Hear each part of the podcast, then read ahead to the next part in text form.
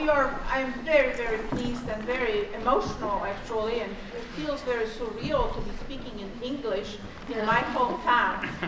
I am a product of this university in this town, so um, I feel uh, quite, uh, uh, quite privileged and uh, quite honored to, um, to be here. We have a fantastic first um, uh, plenary uh, that was organized and put together and thought through uh, by um, Heaven Crawley. She will be one of our speakers. Then we will have um, Federico Soda of IOM, and we will have Aurélie Ponthieu, and I'm not a French speaker, so I hope I didn't butcher her name um, as much as people butcher my name um, outside this, this country. Um, you, have already heard a lot about the context for this uh, plenary. So the, the plenary is about the European Union and the challenges that um, the European Union faces in terms of the so-called forced migration crisis. Uh, it is really not a crisis of the refugees, it is a crisis of management of uh, um, movement um, of people who are seeking uh, refuge. And we will look at the very, very different dimensions of that uh, movement and that phenomenon from you know, economics to protection issues to um, you know what, what's um, in store in the future. I'm not going to repeat what Isabella already so eloquently said and Michał um, in terms of how important this kind of a theme is um, um, to the contemporary times and to the place where we are at. So we will. Uh, what we will do is, uh, you know, we'll have Heaven. She represents the Coventry University. She will go first and um, she will, um, you know, you can read a lot more about heaven in the, in the abstracts uh, and in the, on the website about the speakers. I also let each of them introduce themselves um, a little bit um, uh, as well. But you know, she's been uh, in and out of academia. She has the practitioner uh, and the policymaker uh, expertise as well, which to these kind of debates that Paula challenged us to have and the unpacking of issues is very important. Uh, so Heaven will go first, and she, she will um, ground the debate that we're going to have during that plenary within an empirical research uh, which to us, the researchers, is always the, you know, um, sort of the for the soul, uh, because we so often debate uh, policies uh, without data, without empirical research. Um, after her, we will have Federico, who represents IOM uh, here today. Federico has also had a, a very um, um, illustrious uh, career. He is currently coordinating the IOM uh, efforts in the Mediterranean region in Rome, but he's also overseeing other um, facets of IOM um, um, activities. And then will come Aurélie, and she's the humanitarian advisor with Médecins Sans Frontières. Um, so uh, we will have each of them speak for a little bit. Then I will take two or three or four questions at a time when you think about your questions, think about who you want to address them to. They'll answer, then we'll have a few more questions. So we, we're going to stay on time and end at 11.30. So without further ado, Heaven, please.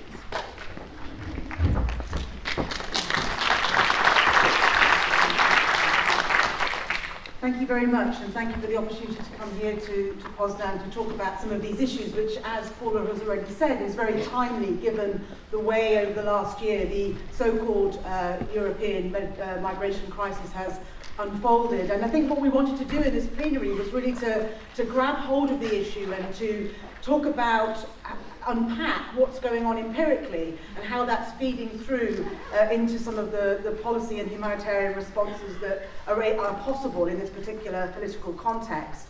Um, so my, my presentation, as uh, said, is going to be data rich. Uh, it's early in the morning and early in the conference, so we think you can take it. Um, and it's really going to be trying to set the scene empirically for some of the um, political policy and other discussions that really follow on from that. And I guess it's really about, as Elżbieta said, it's about grounding our responses in the evidence because we all are aspiring towards evidence-based policy making, but it's actually very hard in this political context for us to actually achieve that. So as I say, I'm going to draw upon the research that we've been undertaking uh, in this area. I'll say a little bit more about the research at the beginning of my um, presentation. Um, some of my colleagues on that project are, are also here today. Nando Sagona will be giving a keynote tomorrow evening and he'll be drawing on this material as well to talk about some of the more theoretical issues around the, the naming, the politics of naming in this context. Uh, uh, and Catherine Jones and um, Simon McMahon will be part of the series of panel sessions that we have going on today, uh, three in total. Um, so what I'm going to do is to basically introduce the, the context that we're familiar with to a degree and the research. I want to say a little bit about who's on the move and why, in terms of the composition of the flows into Europe, the differences between the so-called central and eastern Mediterranean routes from Libya to Italy on the one hand and Turkey to Greece on the other, some of the drivers that lie behind that movement, and then I want to unpack the journeys and trajectories because most of what we hear about is, if you like, the very end part of the story. And actually, what's gone on before then in terms of the movement tells us a lot about how people come to be in that particular situation and what, what indeed the policy responses might be. And I'll, in that, talk a little bit about what people have been telling us about their aspirations, their hopes, their fears, their experiences of that journey, and indeed where they may or may not want to go with their lives and their destinations.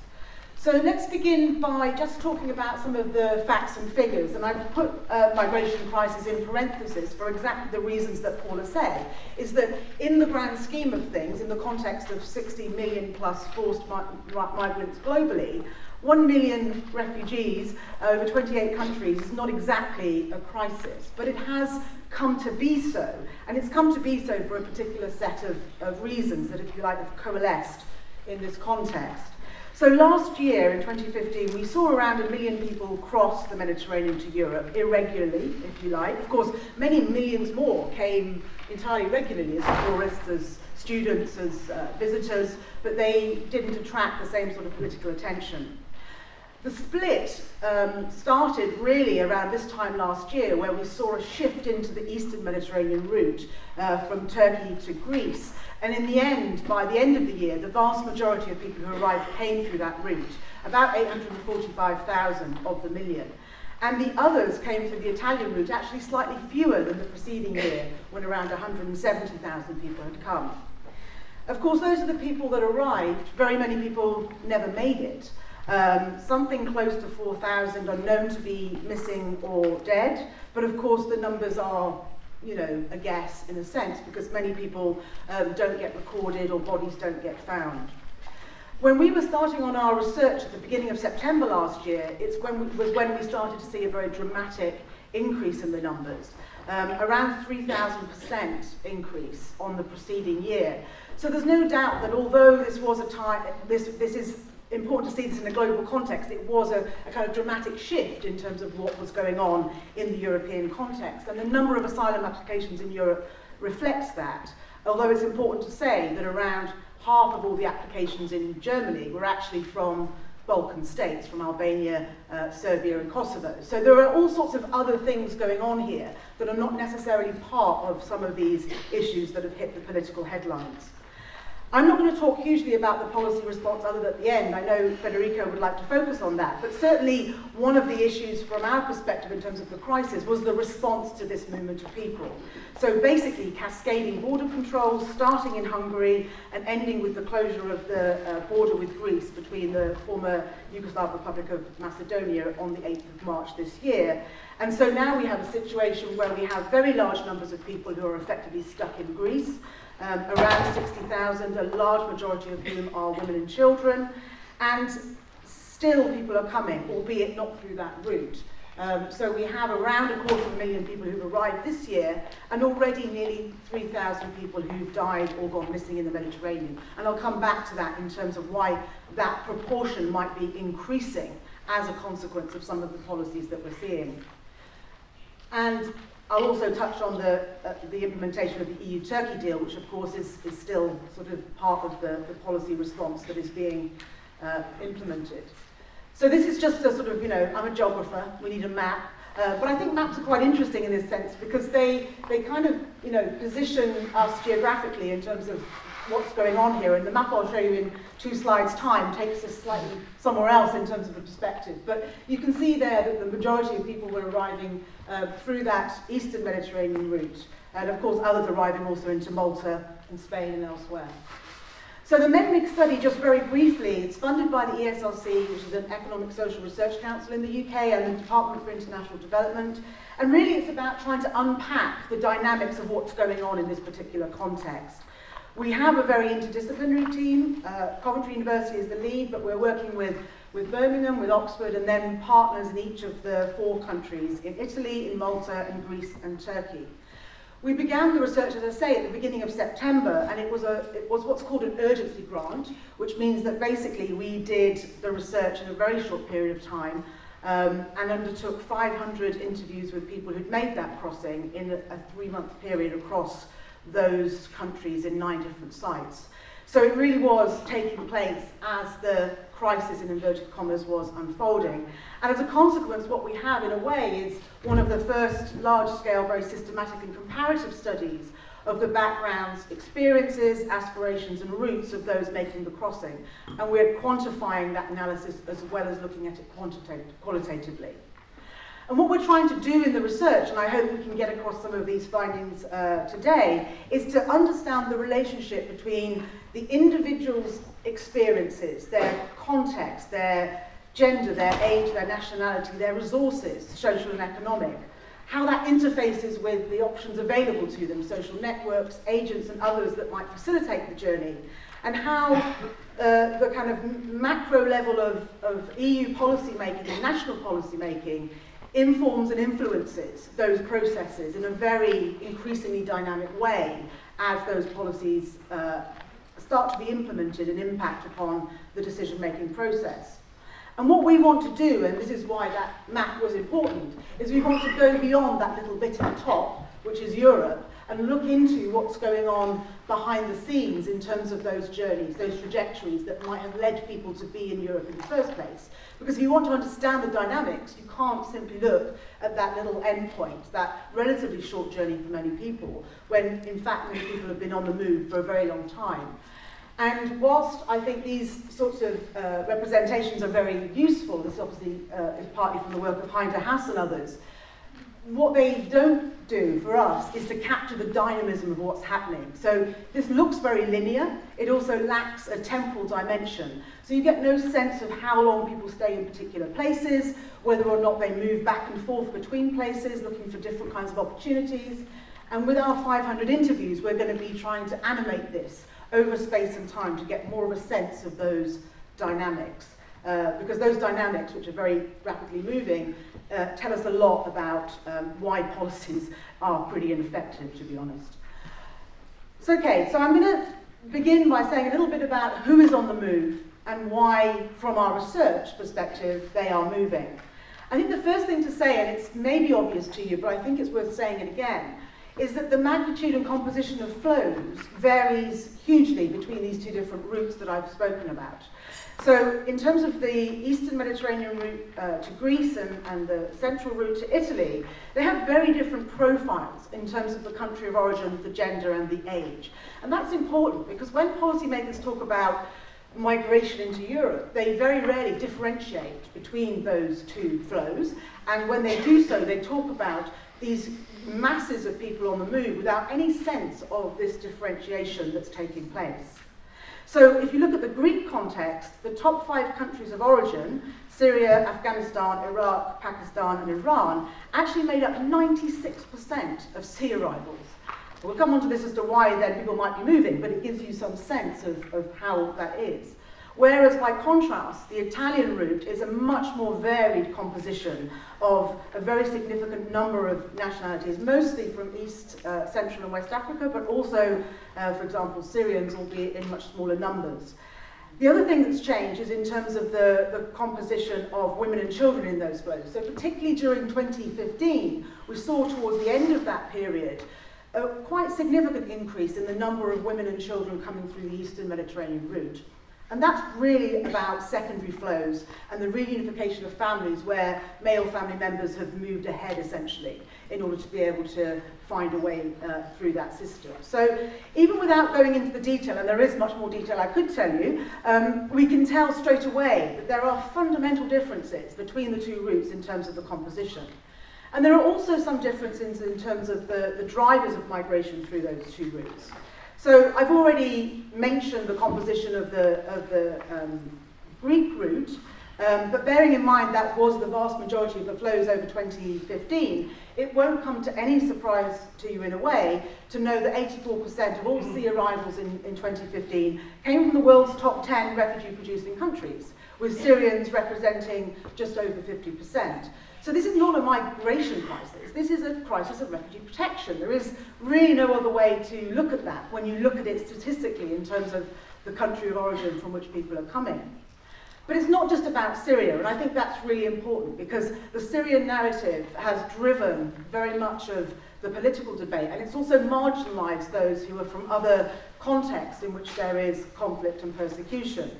So I think it's really important to acknowledge that although the situation in uh, Syria largely explains the flows, particularly through the eastern Mediterranean route, the drivers of migration to Europe are complex and they're multifaceted.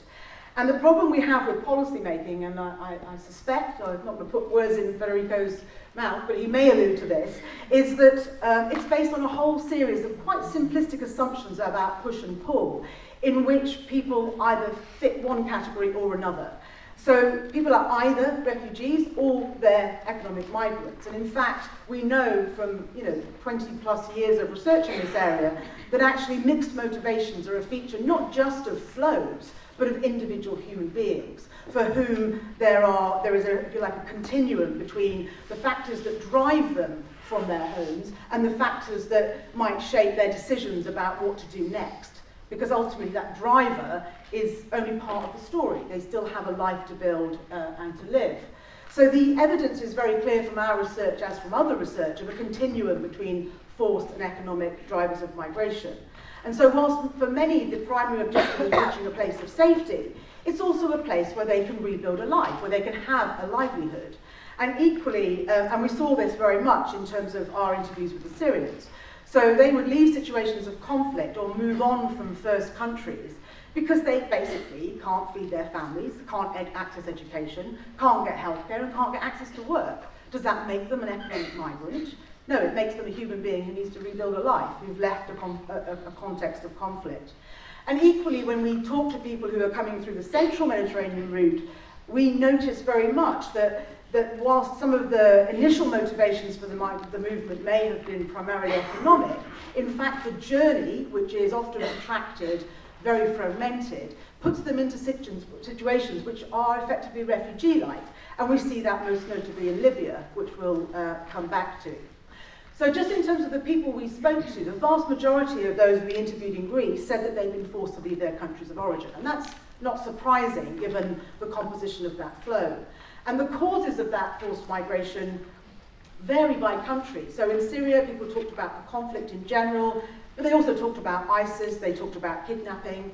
In Afghanistan, they, from Afghanistan, they talked about conflict, the Taliban, ISIS, military conscription in Iran as being part of the reason for the onward movement of Hazara in particular. In Eritrea, they talked about forced conscription. In Iraq, about conflict and ISIS. In fact, nearly a third of all our respondents talked about ISIS and Daesh, and actually that was surprising because the way in which they talked about it was not just about incidents of violence, but about the way in which the narratives, particularly around gender, had made it impossible for them to function as families and to live their lives in the way that they had wanted to. But they also spoke about the difficulties of remaking a life, and they particularly talked about in the context of Turkey, where we did around 60 interviews with people in Izmir. So it wasn't just the conflict, it was the inability to build a life subsequently. Now, when we spoke to people who'd come through that central Mediterranean route, so this is the route that people just say, well, this is economic migrants from Africa, right? That's the, the, the narrative, if you like. In fact, around 60% of those that we interviewed in Malta and Italy also described threats of violence or persecution um, as the primary reason why they had left their country. Um, and while some of them talked about economic reasons for migration, it wasn't the predominant or only reason for that movement. And they talked about threats of violence that were different qualitatively to some of the things we heard about in Greece, but nonetheless could undoubtedly rise to the level of persecution within the meaning of the convention. So, for example, uh, violence during the elections by various militias and others, by local police, by family members, particularly in the context of persecution due to religious identity or sexuality, which is often kind of uh, moderated or mediated by, by community and family members. So the idea that those people are ineligible for uh, any kind of refugee protection just falls away when you start to hear about the stories that underpin that movement. And then, of course, we have on top the experiences in Libya, which often include death, beatings, and forced labour. Um, and of course, then there is no way back from Libya, so you, you, you make that onward movement. And I think even in just presenting this, it's important to remember that these are pretty broad generalizations. There are huge differences in terms of not just the route and the country of origin, but also gender, by age, and whether or not somebody's from a minority group. So the idea that if you come from Nigeria or you come from uh, Iran or Afghanistan, you're ineligible or eligible, makes no sense in the context of some of the minority politics in those regions. So I just wanted to sort of humanize this a little bit by giving you some examples of the things that people told us. And this first quote is from a, a Syrian, a, a Kurd, uh, 22 years old, who basically kind of, I think, reflects this idea of the economic and the, the forced migration coming together. And he says, three years ago they bombed my house in Aleppo, and I lost my father then. My brother and mother have been living in Izmir for the last past five months. My mother's lost her mind due to her sadness, and they bombed our house. We moved to another house, again in Aleppo, but war started there too. My father was a civil servant and he had a salary. After he died, we had nothing. So it's the combination of the conflict, uh, internal migration, internal migration, and then outward migration, and the, and the combination of not being able to make a living. This Syrian woman says, we were living in Damascus. We left Damascus because we were feeling that we could die at any moment. The regime bombed our house 15 days before we left the country. My husband, who was an electrician, had to quit his job when we lost our house. So again, that coming together of the economic and the conflict in one setting. And this Syrian talks about what happened when he moved to Lebanon. So life has been hard in Lebanon for the last four years. I was living for six people in the house, the rent was expensive. My mother was living in a different area, there were no jobs there. I was living in the centre of Beirut because there are more jobs there, but my life didn't improve all these years. You cannot build a life there. So again, the, the idea of people onwardly moving because of the inability to be able to rebuild a life. This young Hazara Afghan from, uh, who come from Iran was talking about how as Hazara they are discriminated against as a minority population in, in, Iran. And in this case being recruited into the um, Iranian forces in order to go and fight with Assad, uh, for Assad in, in Syria. The government of Iran gives you two options. Either you go and fight with the Assad forces or you're imprisoned and then deported. And finally, just reflecting on the Libyan context, a young Gambian who said, when you enter Libya, you cannot come out. They will shoot you at the border. When we passed a border guard, we passed, we saw a border guard pour petrol on a black man and set fire to him. You cannot get out of Libya alive. You have to take, give your money to someone and hope that they will take you. They tell you you must take the boat to the river, and the river is the Mediterranean. So this idea that economic forces are primarily driving the migration into Europe, I think is sort of blown apart, not surprisingly, by the empirical data um, from our research. But the other thing that's blown apart in a way by our research is the idea that people are making this um, journey uh, in a straightforward or linear way, which is what some of the previous researchers suggested. So, as I mentioned earlier, we're really interested in unpacking the backstories, the trajectories of those who are arriving in Europe. And what we would argue is that from the evidence we've collected, it appears that changes to migration policies and increased border controls are effectively increasing the complexity of the journey. They're making that journey more fragmented, they're making it more protracted, they're making it increasingly difficult for people to safely and legally access protection and employment. And so rather than talking about the journey to Europe, what our research tries to do is to unpack these different kinds of journeys and different kinds of trajectories from the research that we've collected. So we have, if you like, three different kinds of trajectories. We have people who come more or less from the country of origin, and for our uh, respondents, that was primarily people from um, Syria and Iraq. We have people who travel and stay through a so-called transit country, sometimes for weeks, but also for months. And we put transit country in inverted commas because the, the kind of theoretical assumptions that underpin that assume that it's a point of transit that's known when people arrive, but of course it becomes such in the process. And then we have people who stay in another country for years. So, for example, the Afghans who went to Iran, the Eritreans who went to work in Israel, Palestinians in Lebanon. And what we've found, not surprisingly, is that those journeys, therefore, take much longer or shorter periods of time, not just by route, but also by nationality. So it's much quicker the route across the central, across the eastern rather than central Mediterranean. Around 57% of journeys to Greece took less than three months, compared to just 16% in Italy. And the average time of the journey varies significantly by country of origin. So the journey time to Greece for Iraqis is, is usually around two, one to two months, but for Afghans can be anything upwards of several years. So it depends on how you define journeys, but what is clear, and I'll just flip through these to show it, is the difference. So this is, this is the route to Greece, and this is the route to Italy.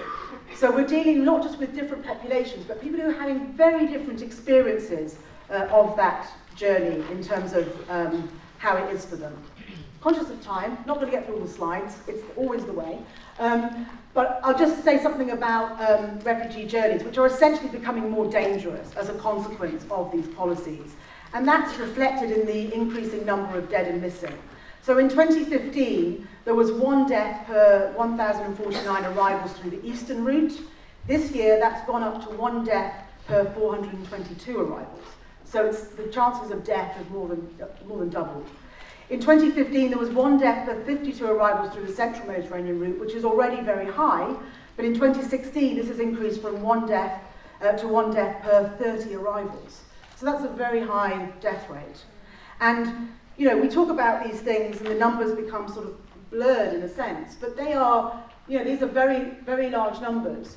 And if you think about the Aylan Kurdi situation back in September last year, since that time, in the following six months, more than 350 kids died making that crossing. And yet that issue has kind of dropped away from the political agenda. I'm completely out of time, so I'm going to just really fast forward. You can have these figures in due course. Okay, policy implications, there we go. Um, I'll go into this very quickly just to sort of set the scene really for what I, I, I hope Federico will say. I mean, our position on this in terms of the, whether this is a crisis is really that the migration is not the issue. What is the issue is the multifaceted border and political crisis that was triggered by that, but essentially had been bubbling away under the surface for many years. This is really about the problems of of a lack of solidarity across Europe in terms of the management of migration, but it's bigger than that. It's about the politics of the European Union. It's about the fact that countries such as Hungary can close down a border and refuse to take Muslim refugees, even though they're aligned to a, a policy of non or anti-discrimination.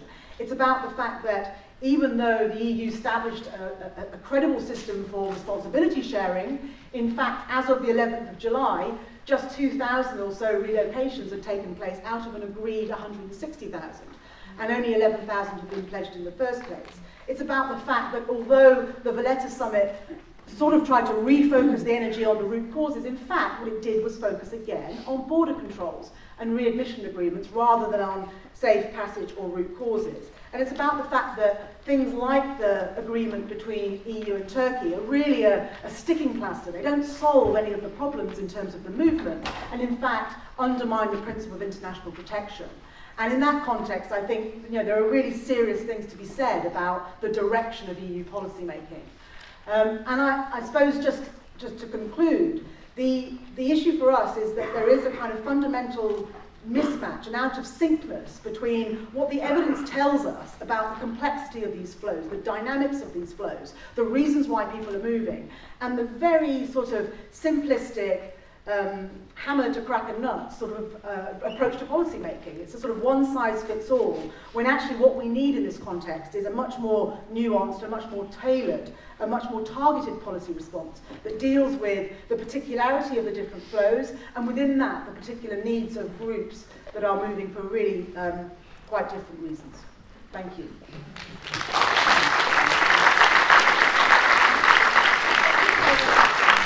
Now have, uh, we will hear from Federico.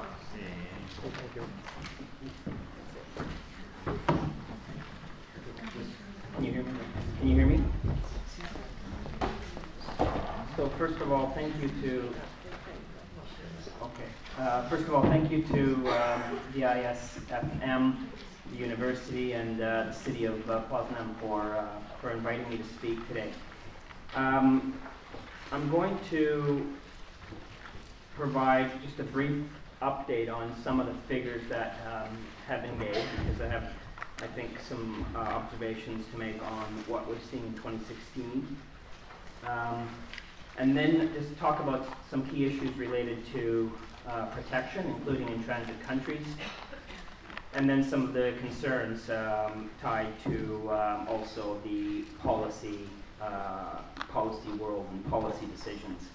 I think, Heaven, just to pick up on where you left off, um, your question of what are the issues, I agree with what you highlighted as what are the European issues. But I think we always have to keep at the forefront of our minds that we are in a context, a global context right now, where we have more complex simultaneous emergencies than at any other time since the Second World War. We just, we've had uh, not very good news from South Sudan for a long time, but it's now really getting very serious. And we, we continue to add to a long list of crises and fragile situations, rarely taking countries off of that uh, very troubling list. And so I think this, combined with tremendous inequalities, and this does come into the economic aspects, tremendous inequalities within subregions, not just between the so-called global north and global south, but within subregions that drive enormous intra-regional mobility, and then also even greater inequalities between the north and south, as well as uh, massive demographic differences. A continent that in Africa that is twice the population of Europe now, but will be four times the population of Europe in about 30 years. I think all of these just add to the complexity of the picture that, that you painted, and indeed also add to a very long list of, of problems that many of these countries are trying to deal with, of which perhaps migration isn't at the top of the list. Certainly when it's transit migration uh, through Niger or Egypt or Libya, it's probably not at the top of the list. They have many other things to worry about. Um, I think you're going to get consensus probably, well certainly on this panel, maybe in this, in this room, that um, we're not talking about a migration crisis, we're talking about a political crisis. Um, migration in the EU, EU, right now is probably more politicized than ever. Um, a lot of this is about perception rather than reality. And I think that 2015, the 1.1 million plus people that arrived, uh, I'm sure it was an extraordinary year uh, in, in, terms of the, in terms of the numbers, leaving aside whether they're manageable or not. Uh, the shock to public opinion and to policy, uh, I think is going to have a much, much longer lasting effect that, than we um, anticipate, and that is very troubling. So, what is alarming, apart from these uh, fissures in, in, in, uh, in the solidarity, in the ability to, to come together and uh, make uh, smart uh, long-term decisions. Uh, what is immediately troubling is um, not just who is migrating, but also how they are mi migrating. And I'm going to move um, straight into the central Mediterranean because I think having covered the eastern quite extensively and, and really it's, uh, except for the EU-Turkey deal, it's kind of a non, non, uh, non-issue uh, uh presently in terms of, in terms of new, uh, new arrivals. But what we're seeing across the Med Med central Mediterranean continues to be increasingly uh, complicated. We have very, very highly mixed uh, migration in terms of protection needs and vulnerabilities, um, and a very complicated mix of refugee and um, we can call them non-refugee population, or even nationalities that uh, tend to have um, relatively low or, or very low uh, recognition uh, rates in EU countries. So untangling uh, these, um, these, these arrivals in terms of uh, identifying vulnerabilities, the, the, the, rights, the entitlements, the types of protection that is uh, adequate is, continues to be very complicated. We also have a huge uh, catchment area. I think that was made um, graphically clear by the map that been put up. But we've had more than 60 nationalities reach Italy this year already. And so it's very, very highly fragmented. And when it comes to trying to find uh, solutions, bilateral, multilateral solutions, trying to bring some kind of order or management to the situation, uh, the, the, the, high fragmentation, the number of countries that are uh, in, the number of countries of origin that are involved makes it very, very uh, difficult. Um, just to give you a brief idea, we have basically Nigeria and Eritrea that together represent about 27 uh, percent of, of the arrivals this year's nationalities. And then after that, it is really a very, very long list of countries that um, have, of, of, from which we've only received a few thousand uh, nationals. And they go all the way from Bangladesh down to the Comoros Islands and across to uh, Senegal. Now, within, this, uh, within these flows, uh, I'd like to identify two particular areas of concern to us. The first is the number of minors, and in particular, unaccompanied minors. It is a constantly growing number year on year from 2014 to 2015. 2016 now will be a record high of unaccompanied minors. We have um, more than 10,000 uh, already compared to just, uh, I think, about four or 500 a company, which obviously tells us that fewer family units are moving, but we're also seeing more uh, new nationalities show up in, this, in these flows of unaccompanied minors. So whereas we continue to see um, Eritreans and Egyptians, which we've been seeing for many years, we're seeing rising numbers of West African nationals from Gambia, Ivory Coast, Guinea, Somalia, Somalia from the Horn, but Mali, Senegal, uh, and also Nigeria. And tied to that flow of unaccompanied minors, uh, and I think closely related to it, is the issue of uh, trafficking.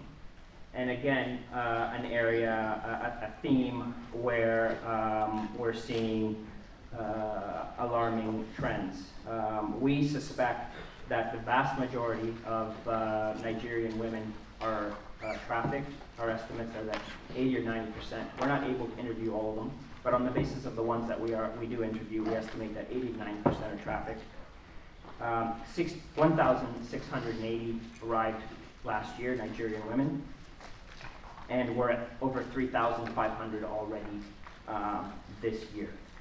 So, and among them, um, among them, an, a significant number of uh, women that are also minors. So, um, big protection concerns there, and I think that for the most part, the European protection systems for those groups are, are not doing enough. I think um, anybody that's uh, following this issue uh, in Europe knows about um, this, uh, this uh, 10,000 last year that uh, are, are identified and, and, and cannot, be, uh, cannot be found.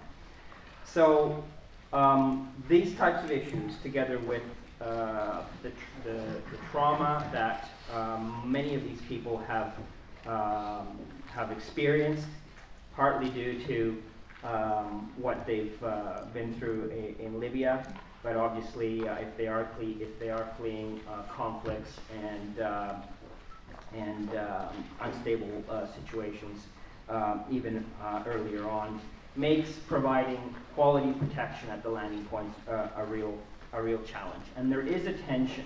there is a tension, and and perhaps a growing tension between expediency in processing and due process. So um, this is always uh, something that we are struggling uh, with, together also with uh, our partners, with um, UNHCR, with, with Save the Children, with whom we work on the, on the ground, and, and, our, and our government interlocutors um, um, who, we, who we support and work side by side with. Um, the issues of minors, one more point on that. Very difficult also because many of them want to, uh, they don't want to be uh, part of the social protection system. They are, they deliberately want to stay outside of it, especially if they're in their, uh, if they're adolescents. Um, they believe that either, well, they are either trying to um, reach uh, extended family or extended family, or they believe that the networks of their own nationals, which they know exist, will help them more than uh, the, uh, the, the, the, social systems will. And, for, and many are sent by their families. It is effectively a poverty reduction strategy uh, to, for, for, many families to send their uh, children overseas. So something that's very, very difficult to, um, to address um, is when you have families that are basically non-responsive and don't want anything to do with uh, the child uh, returning because it was a very deliberate plan and project to uh, send them alone uh, overseas. The other, the other trend, which is related to the ability to provide adequate protection, is that we're seeing more and more the arrivals in uh, groups. I mean, basically the departures from Libya take place in uh, Libya and Egypt, take place in, in, in, in, larger groups. So whereas a few years ago, um, we, would, we would have basically a steady flow of arrivals and, and um, hundreds, uh, and occasionally you would get uh, a, couple of thousand. Now it's quite common uh, in a two to three day period to have five, four, five, six thousand people arrive. And this really, um, some would say this is deliberate by the smugglers to gum up the, um, the, the, system at the land, not only at sea, because obviously the rescue at sea operations become much more difficult, but also uh, at the landing points to, to basically create these, these bottlenecks um, that um, create, create great confusion. Now, um, I'd like to just say a couple of things about what we're observe, observing um, in uh, Niger, because we have been monitoring the flows through Niger. Most of the uh, most of the migration through Libya is um, is uh, from uh, Niger, and this is where also we get the, the vast uh, number of the of the African nationalities basically making their way across uh, the ECOWAS region into Niger and then um, into into Libya. So from February to June uh, in Niger, we have registered about 170,000 um, people leaving uh, Niger for either Libya or Algeria. And we've also registered just over 58,000 coming back, mostly from Libya. I think that um, the situation in Libya has deteriorated to a point where um, those that can afford to make that choice because there's tremendous, there are costs and, and stigma attached to turning back. Um, we're seeing increasing numbers making that choice. 87% of those coming back are men, and um, over 80%, just 81% are, are adults. So uh, young men of working age that are, are making uh, that journey. This, this is consistent with some of what Heaven was saying, uh, and part of it and uh, in other aspects. They are indeed telling us, the ones that are coming back are indeed telling us that they're coming back because of the situation in Libya, the war and the conflict there.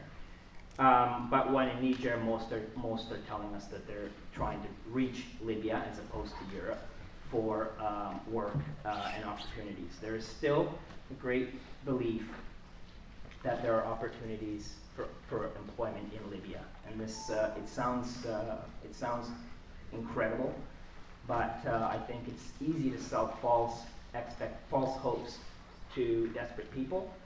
And Libya also has a long history of uh, accommodating and, and hosting uh, migrant workers. So Uh, it's, it's, it's, it's, a, it's a lie that I think many young men want to believe. I'll just touch very quickly on some of the um, approaches that we've uh, that have been experimented in the last um, well less than a year actually because uh, probably the main the first serious experiment in trying to put some order to this um, well we, we thought it was going to be serious was the relocation program. Um, I think having mentioned the number it's about it's just over uh, almost almost 3,000 that have been relocated uh, within Europe uh, to date. This actually doesn't really do much for the central Mediterranean uh, route, even if the program was fully up and running, it wouldn't really address uh, the situation uh, in Italy or the protection issues for the nationalities arriving because the eligible nationalities for the relocation program are um, Iraqis, Syrians, and Eritreans, and the only ones that are represented in any meaningful way in uh, arriving through the central Mediterranean are the Eritreans. So um, it's um, it's something also that um, it's just not getting the traction for a variety of reasons that maybe we can get into uh, later. Resettlement is extremely slow. Uh, the, the, numbers are, I mean, the European numbers are, are laughable um, in, in, in, a, in, a, in a global context. Um, and it is almost exclusively of Syrians. So again, really not doing not doing much in terms of addressing uh, protection in um, the Horn and Sub-Saharan Africa, and except perhaps maybe antagonizing some of the some of the countries that have been hosting uh, refugees for uh, for decades. Um, the last point I'll finish with is actually protection in the EU, um, because I think we are uh, slowly building a very, very um, dangerous situation in Europe. More and more people, I think the protection space is shrinking. I, I think fewer and fewer people will be recognized as uh, having the right to international protection. Um, they will likely be given expulsion or it will not be affected because it's in, impossible to to think that's going to be uh, uh, pragmatically uh, possible. And so we will have I think, an increasing number of people around the EU, uh, foreigners, foreign, uh, foreign migrants, that uh, extra-EU nationals, that will be without documents, without legal status, and with very few alternatives. And um, this is something that every time, every day that um, a boat arrives and that we don't have durable solutions for uh, those that will not receive uh, international protection or the right to stay, we're, we're continuously uh, building this caseload. That's obviously closely related to uh, integration issues and other long-term issues that we need to be looking about, with, looking at, which I think are mostly neglected right now. Thank you, Federico. And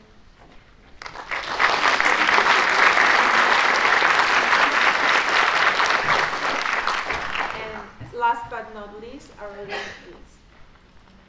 Thank you. Can you hear me well?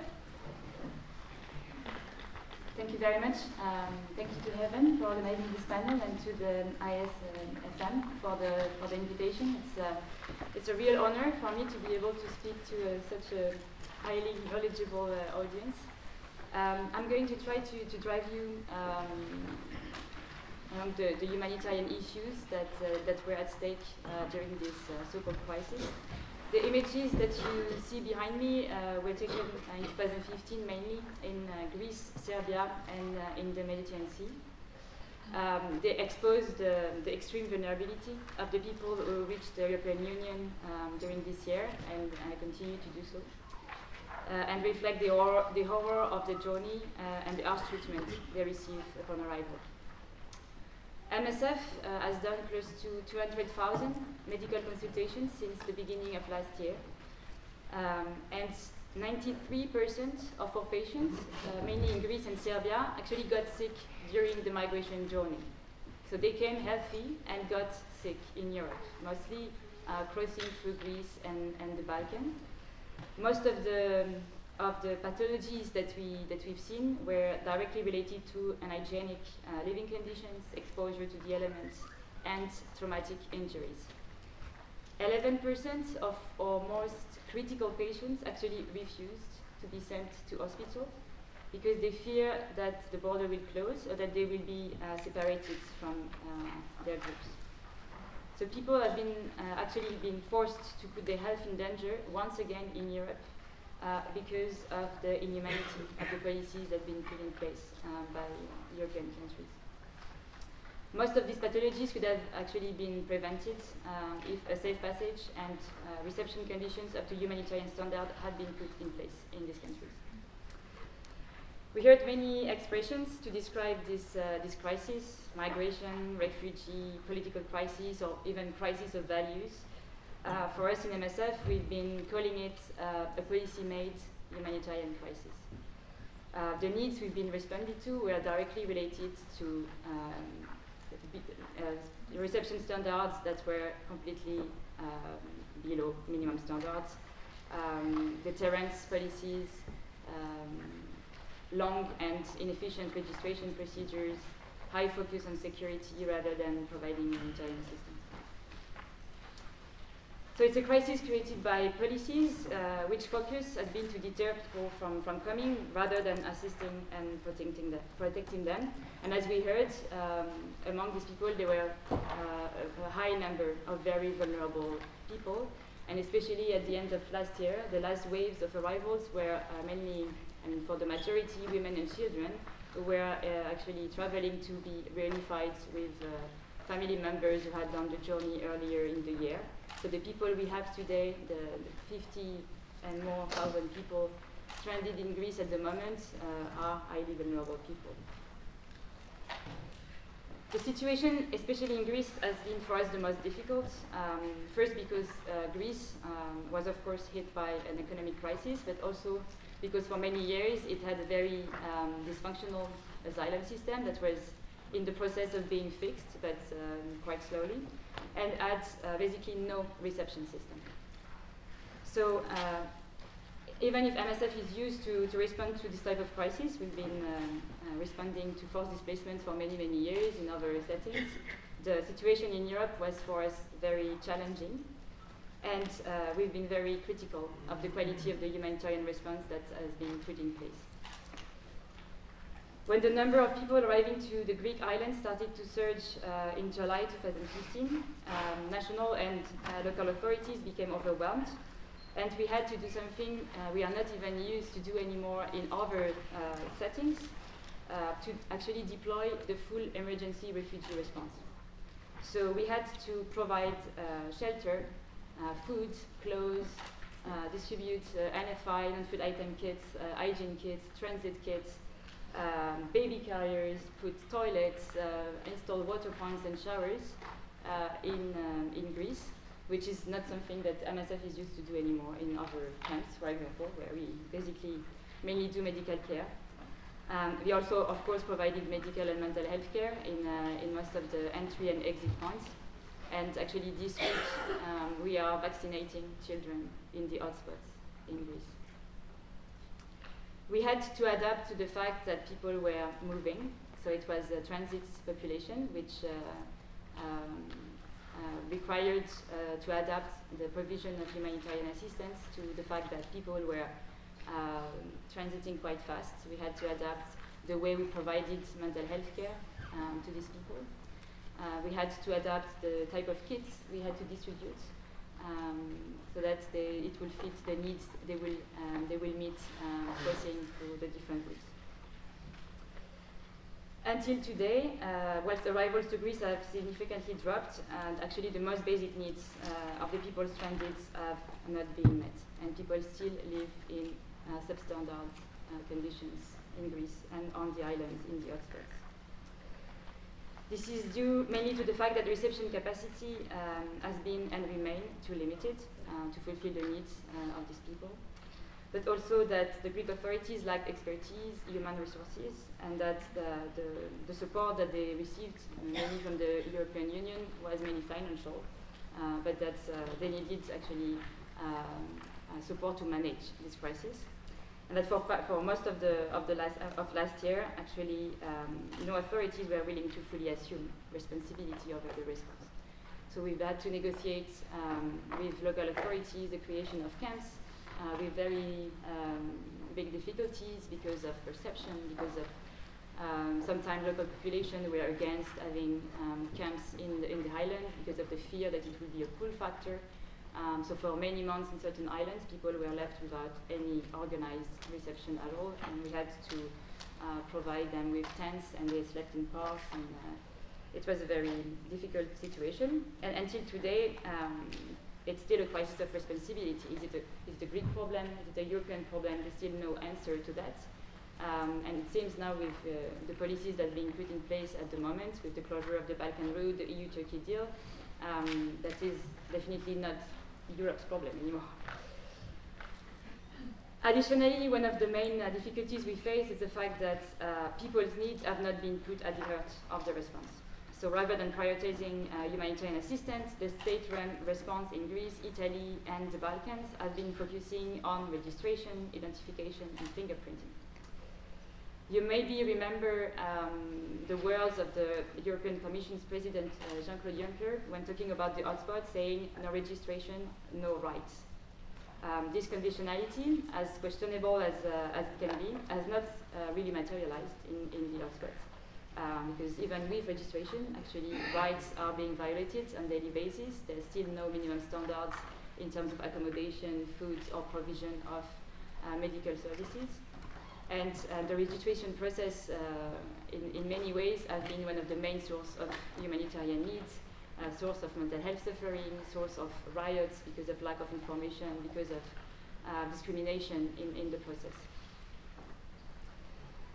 In fact, the process completely lacked vulnerability and, and medical assessments or fast-track procedures to ensure the most vulnerable, such as pregnant women, um, disabled people, victims of torture uh, or sexual violence, unaccompanied minors, were protected from unsafe and ill-adapted living conditions. As a result, uh, the most vulnerable were caught up in a chaos, exposed to additional suffering and trauma, with very limited to no access to adequate shelter or specialized care. This remains today an important concern in Greece, uh, both on the islands and, and, in the mainland. And humanitarian actors are struggling to find um, adapted um, living uh, space for the most vulnerable. For example, we have at the moment more than 700 unaccompanied minors. Uh, these are only those who have been identified, waiting either in detention or temporary accommodation for a place in uh, a shelter. As they wait in uh, these unsuitable conditions, their suffering is growing.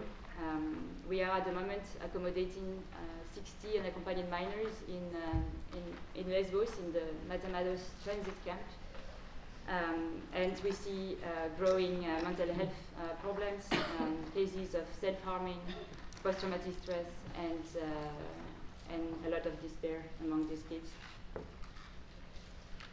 In fact, the, the, concept of vulnerability, um, which in such a context of a mass influx should have been actually guiding, uh, should have been guiding the response and the priorities in the response, has been either ignored or misused.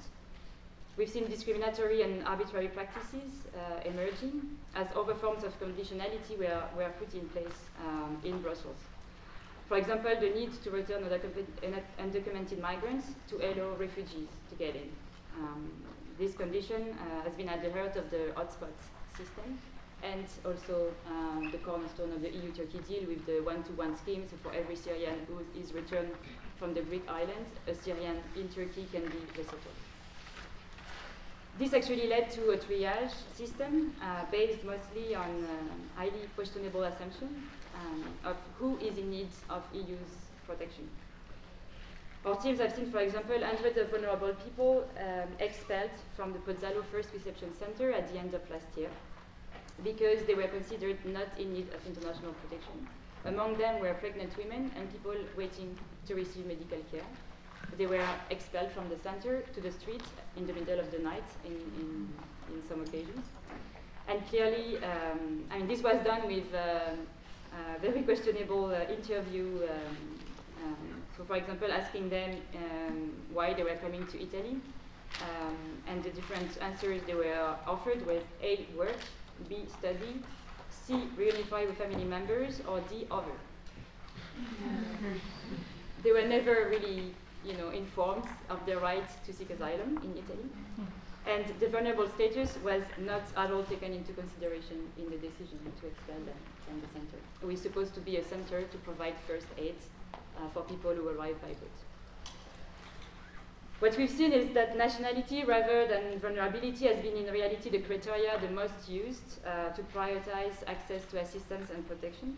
Um, so based on nationality, people arriving to the Greek islands were, until the implementation of the EU-Turkey deal, either sent to police stations, so many people from uh, North Africa, or to the hotspots where uh, they could be registered and had the possibility to apply for asylum uh, and relocation or continue their journey through the Balkan route when the route was still open. Based on the country of origin, they were either authorized or prevented at some point to cross uh, through the Balkan corridor. Um, so we've seen um, several uh, governments along the, the, Balkan corridor implementing um, very strange policy in November, allowing only uh, Syrian, Afghanis, and Iraqis uh, to cross, uh, while um, considering the others were not in need of international protection because they were not fleeing war. So we had a few Somalis who had difficulties to understand that logic. Um, and finally, um, the, the, the, border closure uh, applied then later on to Afghans um, and then to everybody at the end of February. Another example is the relocation scheme. Um, so relocation, uh, which is at the moment uh, one of the only safe and legal way for people who are uh, in Greece and Italy to reach another uh, European member state, uh, is based also on nationality because uh, it's only open to people, to nationality groups who have been granted more than 75% um, in average of protection rates inside the EU. Um, and uh, Afghans, for example, are not uh, included in the list, while they are amongst the, the biggest nationality group um, arriving to, to Greece. Among the, the lucky um, ones who actually were recognized as vulnerable, nationality also play a role in defining the access to adequate reception and care. Uh, for example, shelters and apartments, um, even if they are today still in, in too limited numbers, um, have been created in Greece to um, accommodate um, the people waiting to be relocated. Um, at the moment, uh, among the most vulnerable, these places are only um, available to, um, so they are available for vulnerable people. They were until now uh, available for all vulnerable people, even if they were not in the relocation process. This is now changing, so we have vulnerable people identified in the different camps or victims of torture uh, that could not benefit from uh, these apartments or this specialized shelter because they are not in the relocation process. Uh, so again, nationality among the, the, most vulnerable plays a role in defining access to adequate uh, care. One of the main issues um, we have with this, um, with this, um, this way to, to manage uh, vulnerability is that, of course, it's, it's, it's, it's led to rising tension uh, between the different groups. So we've seen uh, actually people fighting um, in the camps uh, because they feel they are treated unfairly. So using nationality to determine protection needs and vulnerability uh, is not only wrong in terms of basic refugee status determination or humanitarian principles, but it's also um, it risks leaving many people in dire needs of special attention and protection out of the system. To give you an example, in Sicily, out of the 386 asylum seekers screened by MSF mental health team last year, 50% were diagnosed with a mental health condition and received individual mental health care. Most were young African from uh, West Africa, uh, from Nigeria, Gambia, and Senegal. Nationalities that are largely considered today by the European Council, among others, as economic migrants. 60% had experienced traumatic events in the home country, and 89% during migration. The most common events they reported during the journey uh, were detention for 53% of them, combat situations, or being at risk of death for 66%. Being at risk of death was also the most uh, commonly experienced in the host country, 33%. In the home country, sorry. 34% were suffering from post-traumatic stress disorder and 20% from depression. So without proper detection and care, it's likely that some of these people would have developed chronic uh, mental health conditions uh, in the future. And I think these, these figures are quite interesting to challenge these notions of uh, rigid categorization uh, of people. And a lot of these people actually had experienced traumatic events in their home country. They've been facing death in their home country. And uh, these countries are today considered safe, um, and, and there's not specific attention to the needs of the people coming from there. So just to conclude, um, misconceptions and arbitrary categorization, uh, the people reaching uh, European shores today are, la are, largely leading the European response, which is quite problematic. What we've been saying is that uh, generic legal terminologies uh, will never sufficiently reflect the complexity of the patient's uh, migratory movements, the trauma they have suffered along the way, and their needs for protection and assistance. Not looking at the evidence, and not listening to individual stories, uh, not putting in place vulnerability uh, medical assessments upon arrival, um, risk uh, putting these people at further risk. And it's likely that the response will continue to fail uh, responding to the humanitarian needs they have. It's also likely that uh, it's going to fail to um, fulfill its objective, which is keeping people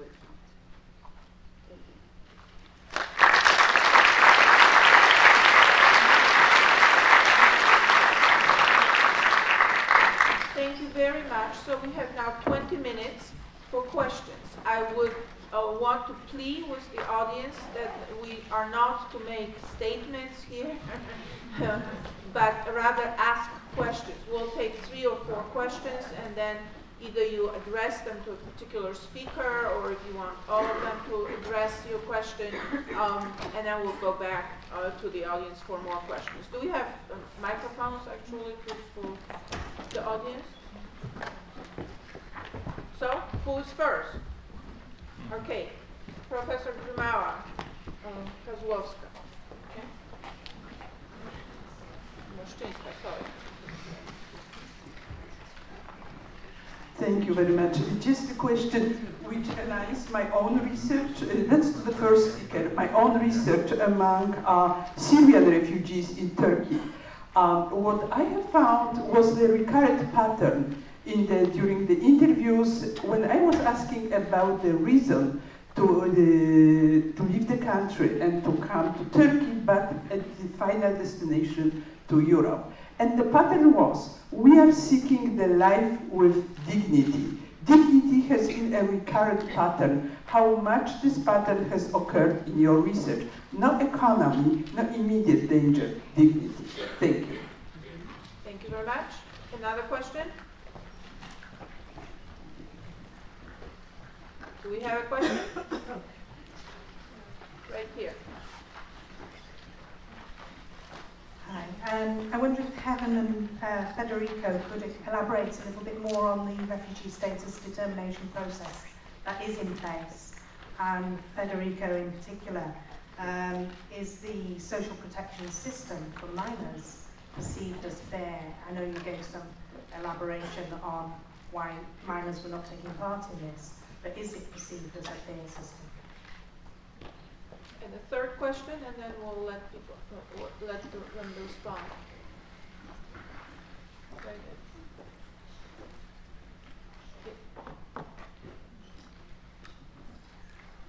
Здравствуйте, я буду на русском переводить. Так, так. Хотя я есть уходцем, азулянка. Я бы хот... я прошла очень тяжелый путь, и я думаю, что я лучше, наилучше знаю, что нужно уходцам. Конечно, много проблем, и я думаю, что должны быть... I was traveling a very difficult way, and I believe I know the best what is needed for refugees. Нужны ассистенты межкультуровые, психологи межкультуровые, Потому что когда у меня был психолог, я была в Австрии и здесь, в Польше, она ничего не понимала. Хотя я сама европейка. И у меня было такое ощущение, что они не готовы работать с иными, например, мусульманами. What is most needed are psychologists, are cultural assistants. When I went to Austria, I got a psychological support, but I had very strong feeling this woman did not understand anything about different culture. She was not ready how to work with Muslims, for example. И есть проекты для иммигрантов, для уходцев, но без уходцев. Среди уходцев тоже есть образованные, нормальные люди. И поэтому я думаю, что это есть уважение и сочувствие, если дать им эту работу. И мы должны как-то доверять этим людям. Спасибо. Uh, and uh, um, the, I believe that there is a work and protection program for refugees, but without refugees.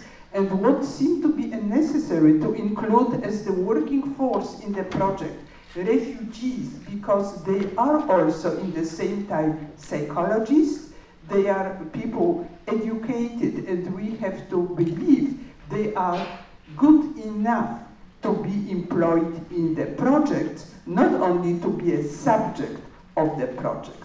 Thank you. Thank you very much. So we will let our panelists now respond to these questions and then we'll take another series of questions. So, Heaven, you want? Okay, I'll, I'll mainly focus on the, the first question, but maybe touch on the others. I, I didn't manage, unfortunately, because of my timing, to talk about destinations or what people wanted in terms of their the outcome of this process. But I think there are clear differences from our research between um, those that come from the central route who mostly don't really have any perception of individual countries with, within Europe and either talk about uh, wanting to go anywhere or go to Europe in its broadest sense without necessarily dif- differentiating. Whereas in the in the um, eastern route, particularly amongst the Syrians who already had uh, pre-established connections, diaspora communities, and frankly more economic resources which enable them to use social media and other technologies to gather information around that. Um, they were differentiating, um, but not actually in the way that you might imagine. I mean, the, the, the choices of the choices of countries or the ideas about where people want to go are, as was suggested in the question, not about the kinds of things that policymakers think they're about, like accessing benefits or um, you know being able to somehow um, you know, maximise on the European social protection system, but really about number one, getting protection and safety, and number two, being able to work and make a living. I mean, it's, it's em employment in that sense, in terms of, and I guess this links to the, the last point as well, is being able to rebuild your identity as well as your physical uh, well-being in terms of your, your economic situation. So it was really very much about the dignity point in a sense but, but wrapped in this idea of being able to rebuild a life that in, enables you, if you were a, a, a teacher or an engineer or whatever it was, to do an employment that is appropriate to that in order that you can support your family. And,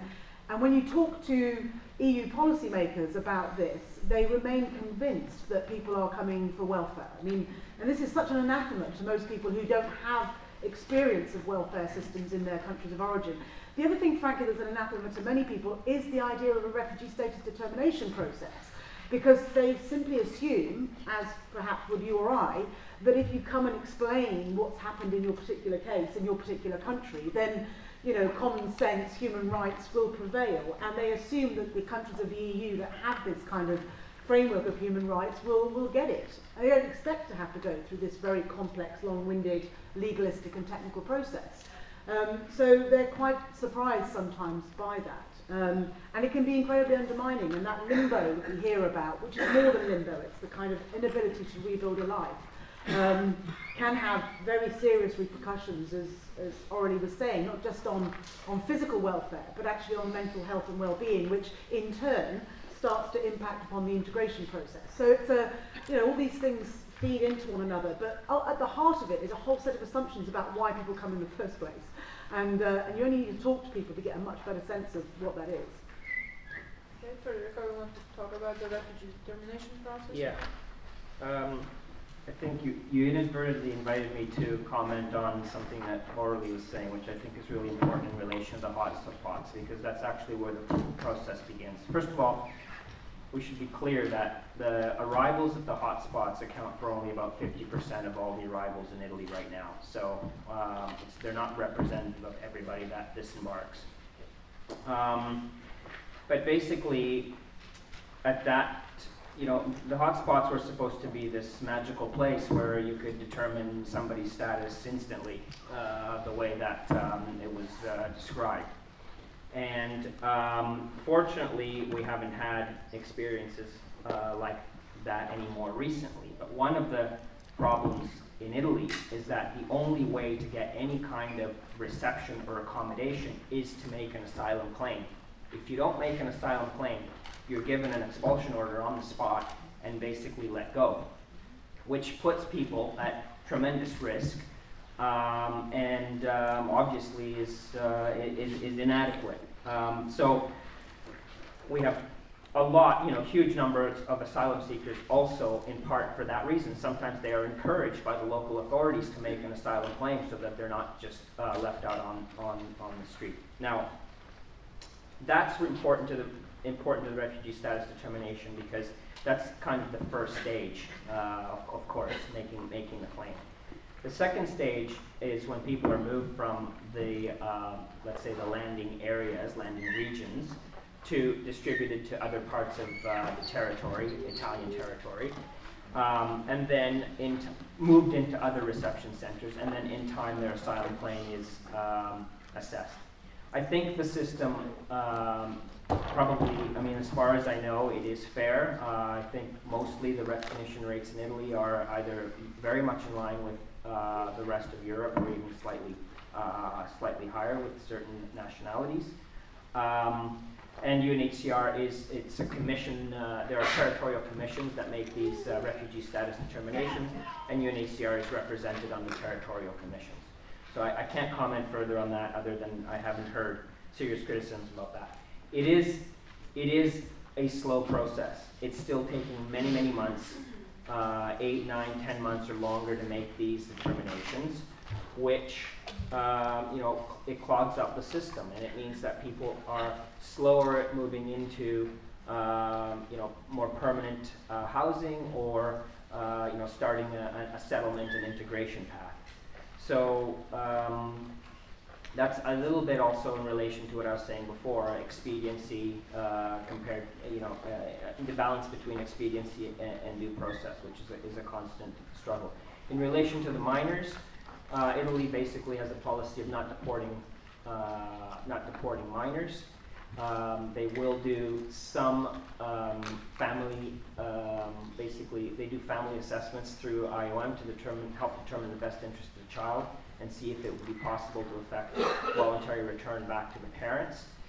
Um, but again, I think the system is fair, but uh, you know, somebody that's 15, 16, 17 year old, they may be a minor, but they've made adult, an adult-like decision, or they've been forced to make an adult-like decision, and they want uh, alternatives. They don't want to just sit in a center and be treated like, um, you know, something that put on a shelf. So I think um, that's that's tough. The fairness is there, but it's the transition from asylum and refugee to what comes next. The next, whether it's integration, whether it's voluntary return, whether it's spontaneous return. I think that's really where the struggle is right now. And um, it's weak. That's very, very weak. That passage, certainly in Italy, from, from reception to what comes next very, very weak and, and needs to be strengthened. So do, do any of you want to um, make a comment on the refugee participation? I would think that uh, MSF probably has something to say to it, especially since you broadened your mandate so much. So to what extent you are hiring refugees that have the cap capabilities? No, I think it's a very good uh, good point, and um, actually we, we we do hire refugees. Um, the, the, only limitation we have is that, um, of course, they, they need to have the right to work and be employed uh, in Europe. Um, but we, we actually, these operations would not be possible without the, the, the assistance of uh, intercultural mediators. So we are, um, uh, in all these projects, um, uh, hiring uh, people who can speak the language but also know the culture and, and also have the experience of, uh, of being a refugee in Europe, have done uh, the trip, and it's, uh, it's, it changes everything in the way we provide assistance. Um, they're also a great, um, a great support for, for, the, for the refugees in terms of provision of information, which is for us part of the mental health response. Because one of the main difficulties that people face when they arrive in, in Europe is, uh, is the complexity of the system. And And one of the, um, of the, of the problem is that people don't know their rights when they arrive, and they are not told their rights on purpose.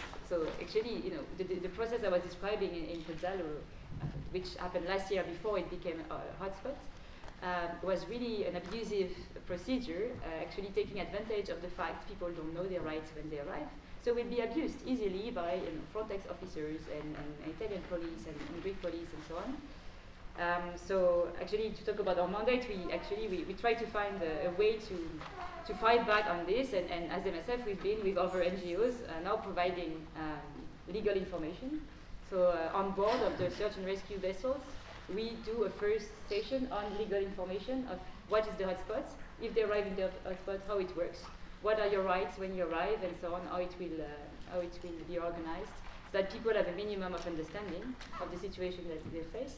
And in the hotspots in Greece as well, we've been actually paying lawyers to, to, to take appeals uh, for the in inadmissibility decisions were uh, given to Syrian refugees. Um, so they have only five days to appeal, if they don't do, and they need a, a lawyer to do that, but of course there was no lawyer provided in the system. So neither the European Commission, neither the Greek authorities um, um, have, have, given access to, uh, to free legal aid for the, the process of the EU-Turkey deal. So we decided to pay ourselves lawyers so that at least people could appeal their decision.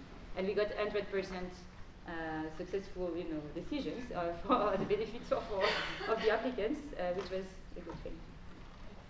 Thank you. So we have more questions? We still have about eight, nine minutes. Paula?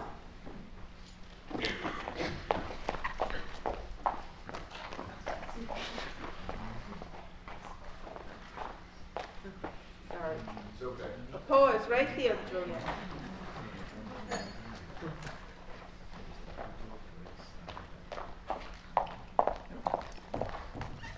Hi, my question is to Heaven. Um, can you hear me? Yeah. Thank you. Um, the thing is, I think the real crisis. You have to press the red button downstairs.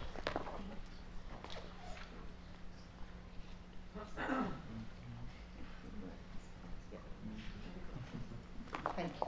Um, I think the real crisis is this tremendous increase in the percentage of deaths uh, within one year's time. Um, you know, we all know why it's happening, but I would like to reflect, you to reflect on it a little more so that all of us are made aware through a scientific research as to why so many people are dying because no country has the right to kill anybody without due process of law. When it's done, it's done illegally.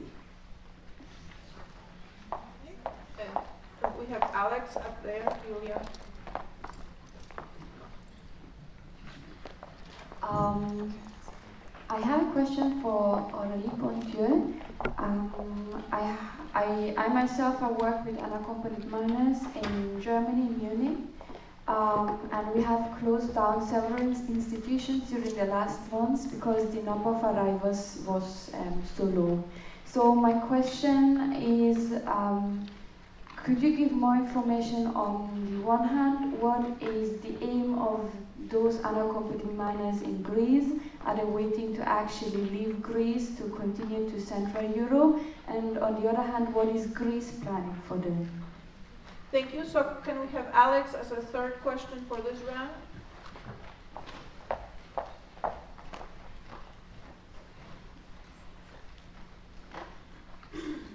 Thank you. Question for Heaven, but, uh, but this may want to respond as well.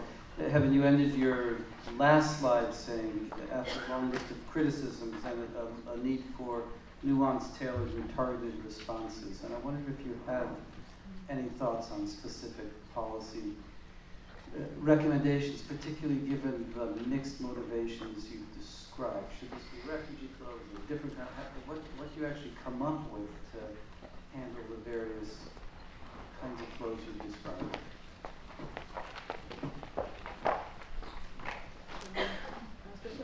Yes, please, so let's start responding. Okay, let me start with the, the, the deaths and come back to the responses. I, I mean, the, the truth is, in terms of understanding the reasons for the increase in the deaths, it is to some degree speculative, but certainly we have seen evidence of what we think is happening that might contribute. So for example, um, in Lesbos in October, November, um, as things started to get more difficult, when NATO boats were brought into the Aegean and when there was um, increasing, you know, Coast Guard activity and Frontex ships, what we basically saw was um, boats being sent at night so that the rates of detection went down, but of course the chances of rescue accordingly went down. So, and I think there is some evidence, and, and Federico might be able to say more about this, about um, similarly in the context of the, of the uh, Mediterranean route from Libya to Italy, that smaller boats are travelling, that boats are taking slightly different routes potentially, and of course when a boat sinks in that region, if they've got very large numbers of people on board, the death rate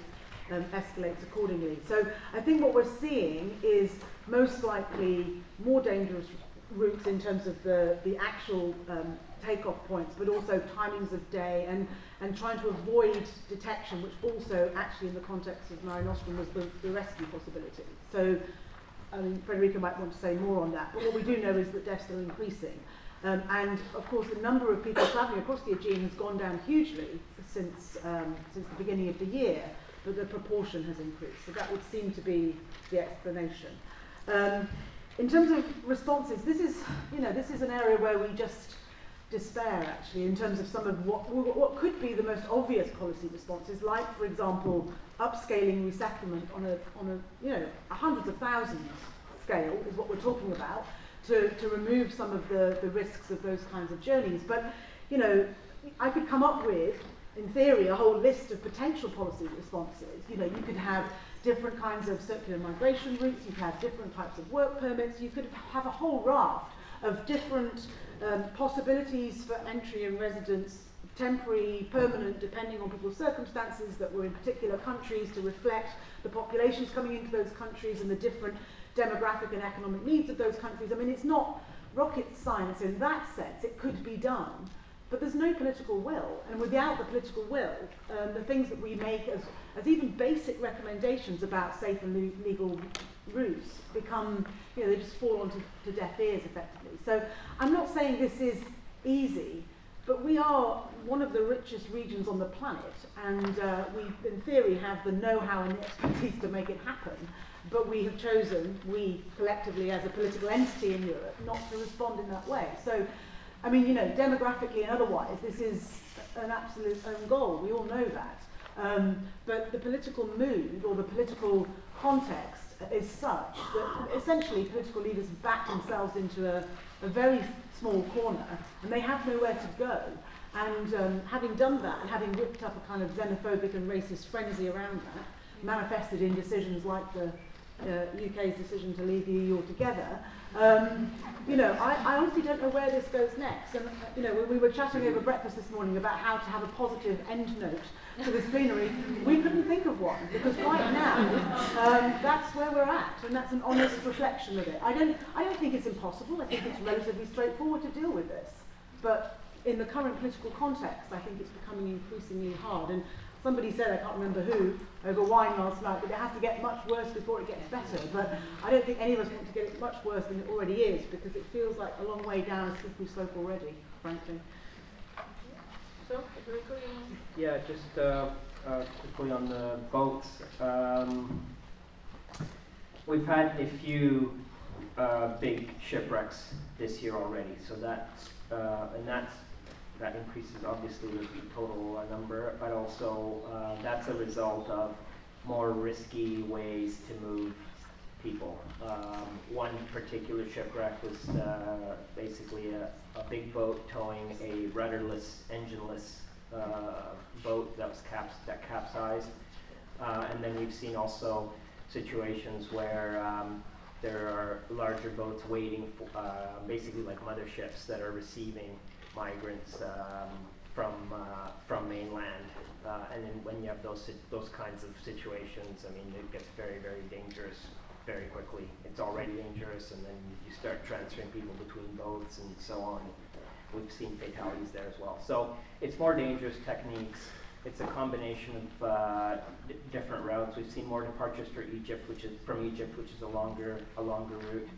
Um, it's uh, just basically trying every way possible uh, at any cost to, uh, to send people on. So who wants to uh, address the unaccompanied minors, right? Because that's the outstanding question on the table. Yeah, I can try. Um, yeah, most of these uh, unaccompanied minors uh, uh, had no intention to stay in Greece. So uh, most of the people that are today actually in Greece uh, had other plans. They were they were joining family members for most of them, are hoping to, to continue their journey through the, the Balkan corridor. Um, there's still people arriving to Greece on daily basis. So we have know, one boat a day, or more or less, in, in the last weeks, arriving to Lesbos or another island. So people still continue, even if the, if the exit uh, route is closed, to, um, to try. Um, the, the, problem we have with the unaccompanied minors in Greece is that um, there's no reception system that is um, sufficiently uh, in, in, capacity, but also uh, in terms of the, the, the social uh, social workers, the psychological care. I mean, there's, no, there's not enough services in place at the moment to actually um, respond to the demands um, that, that these kids uh, have. Um, so other options exist than, um, than being accommodated in shelters in Greece, even if there is a plan to increase um, the number of uh, specialized shelters. But at the moment there are only 14 in the country, which are all full. That's why you have, and you have something in Greece which is uh, protective custody. So it means that while they wait to have a place in a shelter, they are under the protection of the police and are kept in detention. So you have one of the most vulnerable groups actually among the, the people that are, you know, those who are detained at the moment in Greece. Um, and they could be, some of them, if they are eligible for relocation, could be relocated, but the problem is that uh, they are not prioritized in the relocation process. Very few countries actually want to take on accompanying minors in the list, which is uh, a big problem. They, have, they could have another option is to uh, be um, reunified with family members that, the, that a, a, lot of them actually have in other European countries um, through the Dublin regulation but they need to be able to apply for asylum. And that's the main bottleneck today in Greece, it takes months for people just to file an asylum claim. And while they can file this asylum claim, uh, they have to wait in very poor conditions uh, with very limited services. And for those who are actually in needs of immediate protection, like unaccompanied minors, it's very uh, big problem because they're exposed to sexual exploitation, to violence, uh, to a lot of dangerous uh, um, yeah, and, um, and then when they can file an asylum claim, it, it takes at least a year in average for, uh, to get actually transferred uh, to another member state. So we're actually seeing um, you know, the situation in Greece, these people, they will at least stay, even those who have a legal right to move through relocation or, or Dublin, um, they will stay at least uh, a year and a half in Greece. so it's really a purely administrative uh, issues that uh, that allow for these people to be stranded. Yes, Federico forgot about something, so he would want to add yeah, just, just a little bit. To add on this uh, policy uh, answers, I think well, we've lost complete confidence in, um, and the electorate has lost confidence in their government's ability to deal with this situation. And that's partly how you get the Brexit uh, outcome when it comes to the migration issues. So, how you undo that I don't know, but it is having a huge effect. Or actually, I think we've gone back probably eight or ten years in discussions about uh, other, cha- other legal channels, very broadly, all the types that have been mentioned. Um, certain um, commission documents that were being trumpeted uh, just three, four years ago um, are not even mentioned in footnotes now in relation to uh, in, thinking of the GAM and, and, certain migration and development strategies and so on. So circular migration and everything. Um, the only way into, like, can you take Italy for example, it had for many, many years uh, quotas. There were problems, of course, but at least there, there was a recognition of, of the need to absorb uh, absorb into the labor market uh, migrant workers. Um, those have been closed for a couple of years now. The only way into the country, um, except uh, either by boat or the very small resettlement program, is really through family reunification. There are some other very small, limited opportunities, but and I think this is the con. This this is really the crux of the matter: is that everybody that we're talking about has no legal way to come, whether they are uh, a 20 year old bricklayer or um, a Syrian uh, refugee. And so that's where the emphasis needs to be put. But as I, as I started, it's all about the perception right now. And the perception is that the situation is out of control, and no politician is going to touch this issue now. Okay, so um, help me um, thank our panelists, and then we have a coffee and tea break.